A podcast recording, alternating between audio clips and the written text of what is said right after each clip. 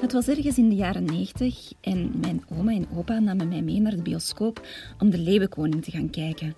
En ja, dat was meteen een groot succes. Het werd een van mijn lievelingsfilms. Timon en Pumba, alle liedjes, die hele levendige kleuren, die Afrikaanse setting, al die drama. Ik was helemaal onder de indruk. Bij onze noorderburen, de Universiteit van Nederland, maakten ze er een podcast over.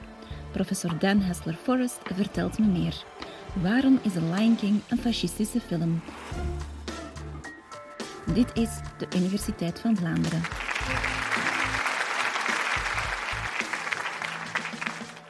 Als kind had ik een droom. Het was, als je het nu bedenkt, niet een heel grote droom, maar voor mij echt wel heel belangrijk. Ik wilde heel graag naar Disneyland. En dat, ik ben Amerikaan. Mijn ouders die zijn toen ik uh, drieënhalf was naar Nederland verhuisd. En die afstand naar Disneyland die was heel groot. En we zijn als kind, het is een beetje een zielig verhaal, zijn we dus ook, ik ben nooit naar Disneyland geweest als kind.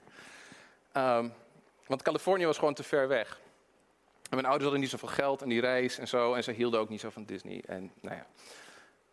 Uiteindelijk ben ik wel in Disneyland terechtgekomen.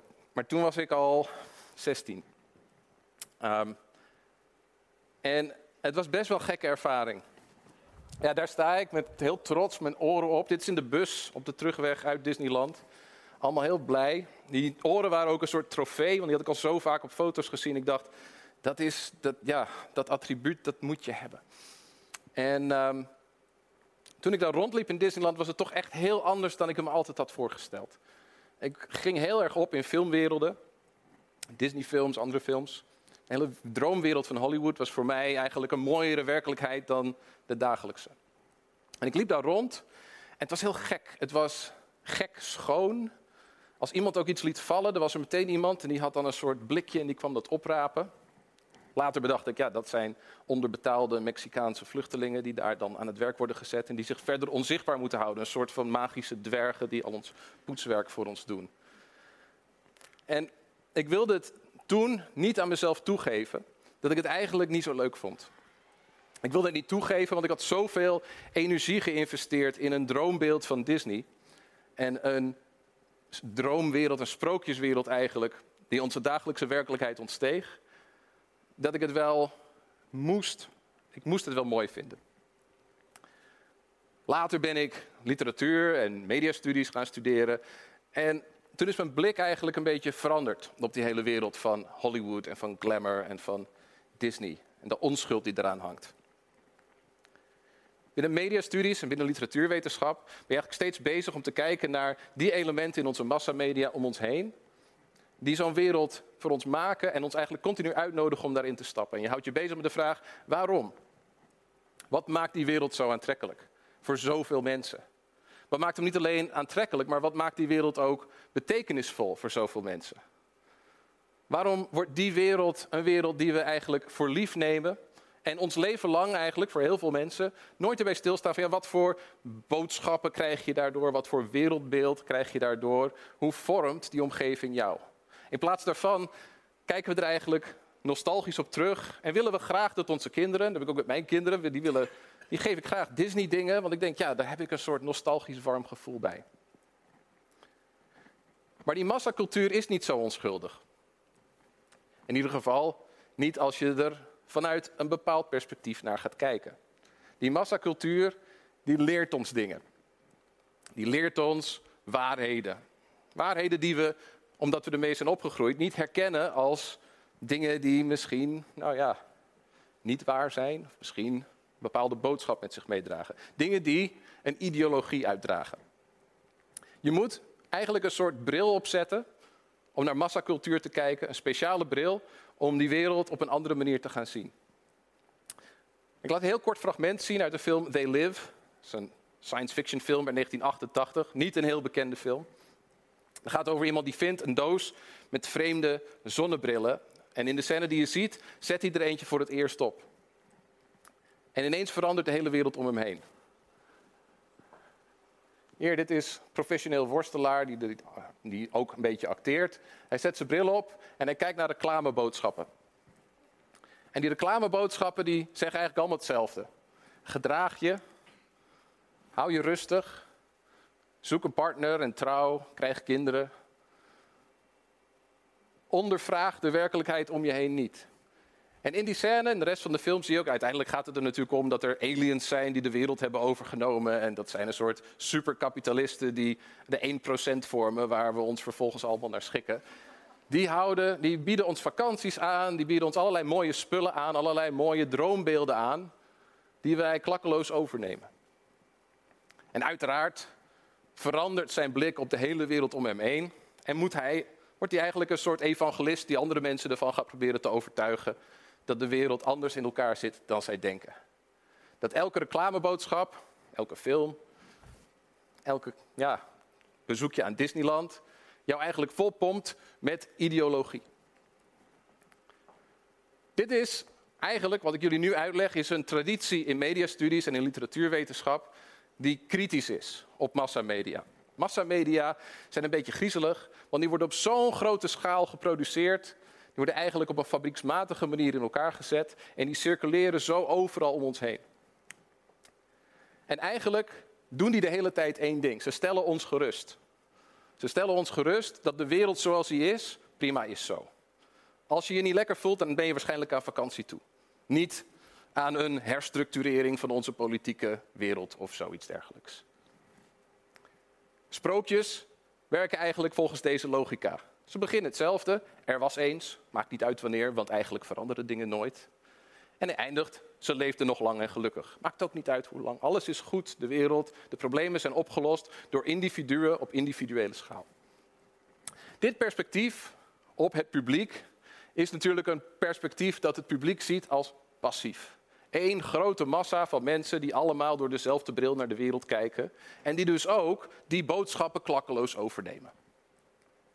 Het is een perspectief dat eigenlijk geïntroduceerd werd in de 19e eeuw door Karl Marx, grote socioloog en de meest invloedrijke denker in ons eigenlijk en dat hele westerse traditie inmiddels.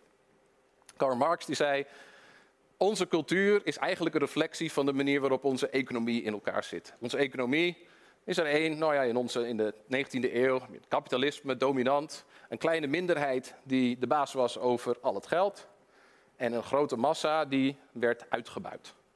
En die uitbuiting die vond niet alleen plaats door mensen te laten werken voor minder geld dan wat het eigenlijk opleverde, waardoor er winsten werden opgebouwd, maar die werd in stand gehouden door een cultuur die dat systeem als het enige natuurlijke en ware systeem produceerde. Dus die cultuur, volgens Marx, is niet zo onschuldig. Toen Disney zijn werk begon te produceren, was Marx al lang dood. Maar Disney is eigenlijk een soort toonbeeld van wat Marx bedoelde met het produceren van een cultuur die continu een ideologie uitdrukt.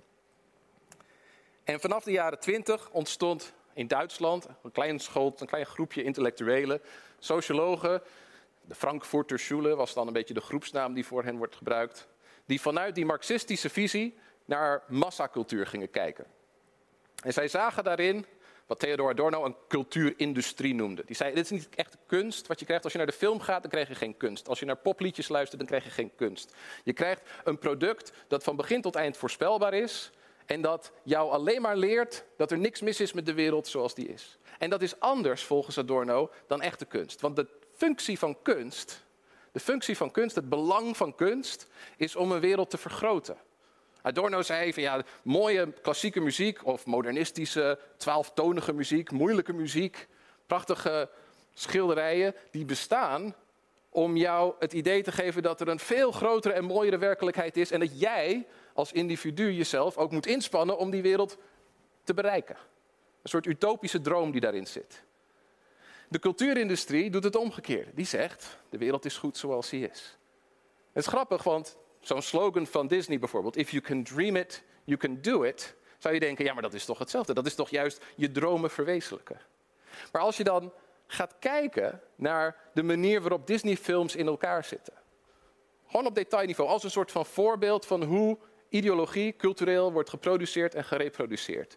Dan zie je dat het eigenlijk niet een kwestie is van je droom verwezenlijken, maar je taak vervullen. De taak waarvoor jij op de aarde gezet bent. Een heel statisch en conservatief model.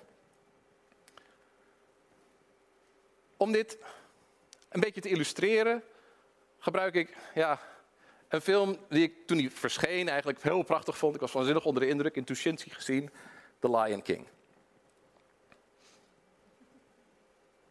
Kent iedereen The Lion King? Ja? Wie heeft, heeft iemand The Lion King niet gezien? Kan eigenlijk niet. Maar ik laat even kort voor een beetje horen dat als het goed is lopen de rillingen heel even over je lijf. In ieder geval als je met de film hebt gezien.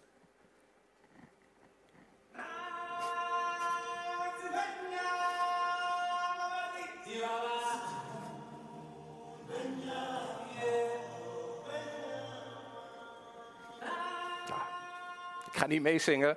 Het is, ik weet niet, het is brabbel Afrikaans. Het is iets wat Afrikaansig klinkt. Een Elton John liedje met Afrikaanse zangers, tamboerijn, allerlei dingen erin. Maar geef niet. Zodra dit begint, als je die film kent, zodra dit begint ben je oeh, een soort lekker gevoel. Ik ben terug waar ik die film met mijn kinderen of als kind heb gezien. En als je iemand vraagt waar gaat die film over, dan denk ik dat je een aantal hele voorspelbare antwoorden krijgt. Het gaat over leeuwen in Afrika. Het gaat over Simba, wiens vader. Dingen die dingen. Ja, je, ik kijk er nu naar die film. Ik denk, gaat die film over Afrika? Wat leert hij mij over Afrika? Niks. Gaat die film over leeuwen? Nee. Ik leer niks over leeuwen. Als ik die film moet geloven, doen leeuwen, hebben leeuwen seks in de missionarenstand. Klopt, het is, het is niet, het is niks met leeuwen. Het is de meest pornografische animatiescène ooit. Die film, die film die geeft ons een beeld van hoe de wereld in elkaar zit. Als je er vanuit deze marxistische bril naar gaat kijken. Het gaat over macht en hoe macht in de wereld georganiseerd is. En het doet die truc die massacultuur, die de cultuurindustrie eigenlijk continu volgens Marx doet. Namelijk jou jezelf laten identificeren met die mensen aan de top zodat het ook lijkt alsof het goed is dat het zo werkt in de wereld. Als je kijkt naar de personages, hè, even voor wie hem niet heeft gezien en even de feest van herkenning voor wie de film goed kent. We hebben natuurlijk Simba, het oerschattige uh, leeuwen, jong, leeuwenjong. Uh, die de zoon is van de koning en het is zijn lotsbestemming om zijn vader op te volgen. En de film begint met een enorme scène waarin Simba als nieuwgeboren leeuwenjong aan het volk dat zij later allemaal gaan opeten als leeuwen wordt getoond en iedereen buigt neer. Uh, dan is er zijn vader, Mufasa. Uh, toonbeeld van trots en nou ja, alles wat je je voorstelt bij een nobele koning. Iemand wiens slotbestemming het duidelijk was om koning te worden en een goede, rechtschapen koning die orde houdt op de savanne. En dan heb je zijn moeder, wiens rol het natuurlijk is om de kinderen te verzorgen. Want zo werkt het niet bij leeuwen, maar wel bij mensen. In ieder geval volgens een conservatief tijdstip. Dan kijk je natuurlijk, er is, de film zou niet heel leuk zijn als het alleen maar ging over hoe fijn het was om koning te zijn. Ook al zingt Simba daar zo leuk over. Er is rottigheid op de Pride Land, want er is een leeuw die niet helemaal kosher is. Er is de leeuw Scar. En je weet niet of hij al een Scar had toen hij geboren werd en daarom zo genoemd werd. Of dat het een soort bijnaam is die is blijven hangen. Maar Scar is in ieder geval een slechte oom die uiteindelijk de hele boel verziekt. Je merkt ook aan Scar als je naar hem kijkt, hij is donkerder dan de andere leeuwen. Hij is een beetje verwijfd. Hij maakt de hele tijd van die campy gebaren. Hij heeft geen partner, geen relatie en geen nageslacht of zoiets. Hij is de queer lion in de savanne. En hij verstoort de boel door een heel uitgebreid plot op te zetten. waarin hij samenspant met de hyena's. De hyena's die een de enige personages in de film zijn die zeg maar, aan de periferie van het mooie natuurgebied leven. Uh, de enige personages ook die met etnische accenten spreken. Uh, het zijn zeg maar, diegenen die niks produceren in de maatschappij. Degenen die niet zo mooi, wit en nobel zijn als de Arische leeuwen. Maar die er een beetje bij hangen en die moeten hebben van bijstand. Van een uitkering van wat er overblijft. Dus die moeten vooral wegblijven. Want op het moment dat je hen toegang geeft tot het mooie gedeelte van de wereld, dan verzieken ze de boel. En dat zie je visueel op het moment dat Scar in samenspraak met de hyena's op Pride Rock overneemt. Dan zie je daar, dan zie je dat het vanaf dat moment alleen nog maar regent en er groeit, ja het regent wel, maar er groeit niks meer. Um, alle bomen zijn afgebrand. De, de, het is alsof er een hogere macht heeft bepaald van deze manier van de wereld organiseren is niet natuurlijk, is niet juist. Het houdt hierop. Dus natuurlijk moet Simba terugkomen nadat hij met zijn uh, voorbestemde partner Nala uh, seks heeft gehad. Want dan heeft hij eindelijk zijn rol geclaimd in het natuurlijke proces.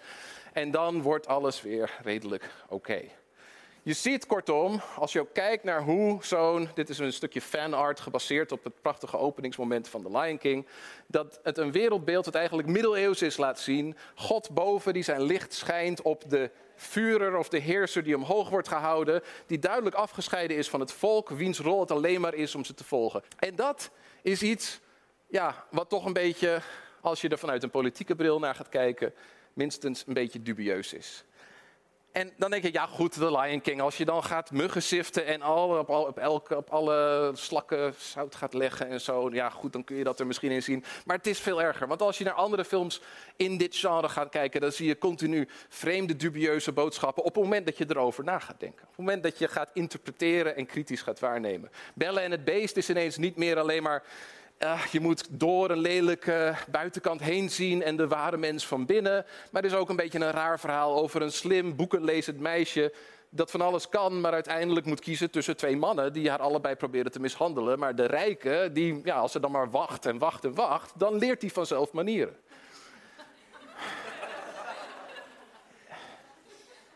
The Little Mermaid over een tienermeisje dat letterlijk alles heeft wat ze wil. En dan van een verre afstand een mooie jongen ziet. En alles op alles zet om die jongen te krijgen. En dat is uiteindelijk ook een goede beslissing. En onderweg moet ze door cosmetische chirurgie haar lichaam veranderen. Om conservatief aantrekkelijk te zijn. Waarbij ze haar stem verliest. En toch lukt het haar om met haar mooie lichaam die jongen te verleiden. En mondt het allemaal uit in een huwelijk en ze leefde nog lang en gelukkig. Terwijl ze nog nooit een gesprek met elkaar hebben gevoerd. Shrek maakt leuke grapjes over sprookjescultuur. Maar uiteindelijk komt het erop neer dat als een lelijke man een relatie ontwikkelt met een mooi meisje, dan kan dat eigenlijk niet. Het moet toch blijken dat eigenlijk was hij de hele tijd ook al dik en lelijk. Want alleen dan kunnen ze met elkaar door. Ja, sorry dat ik nu misschien een hele hoop nostalgische herinneringen en jeugdliefdes uh, een beetje aan het uh, verpretten ben. Maar dat is wat een marxist ook een beetje moet doen. Op het moment dat je gaat kijken naar cultuur, niet meer alleen maar als een vorm van onschuldig vermaak, maar als iets wat ja, niet neutrale machtsverhoudingen ook in stand houdt en ons betekenissen voert waar we ja, toch misschien wel iets van meenemen. Ik wil het niet gaan kwantificeren, maar goed. Ja, dan, dan verandert het ineens een beetje. Maakt het het toch wat anders. Is alles dan zo beroerd? Nee, natuurlijk niet. Er zijn ook gelukkig films waar je rustig naar kan kijken. Ratatouille is een fantastisch voorbeeld van een film over een rat die droomt om chefkok te worden. En het lukt hem nog ook. Je kan iets anders worden dan wat jouw lotsbestemming lijkt in het leven. Als je ervoor inzet, talent hebt, hard werkt, al dat soort dingen. Nou, vind ik een wat aantrekkelijker lezing dan als jij koning bent geworden, geboren, sorry, dan moet je dat ook uiteindelijk worden. En als je een zebra bent, nou, dan heb je pech. En als je een hyena bent, dan al helemaal.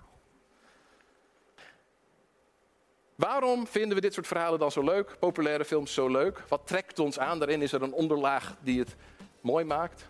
Daar ga ik in het volgende college over praten. Wanneer ik het ga hebben over seks in The Lord of the Rings.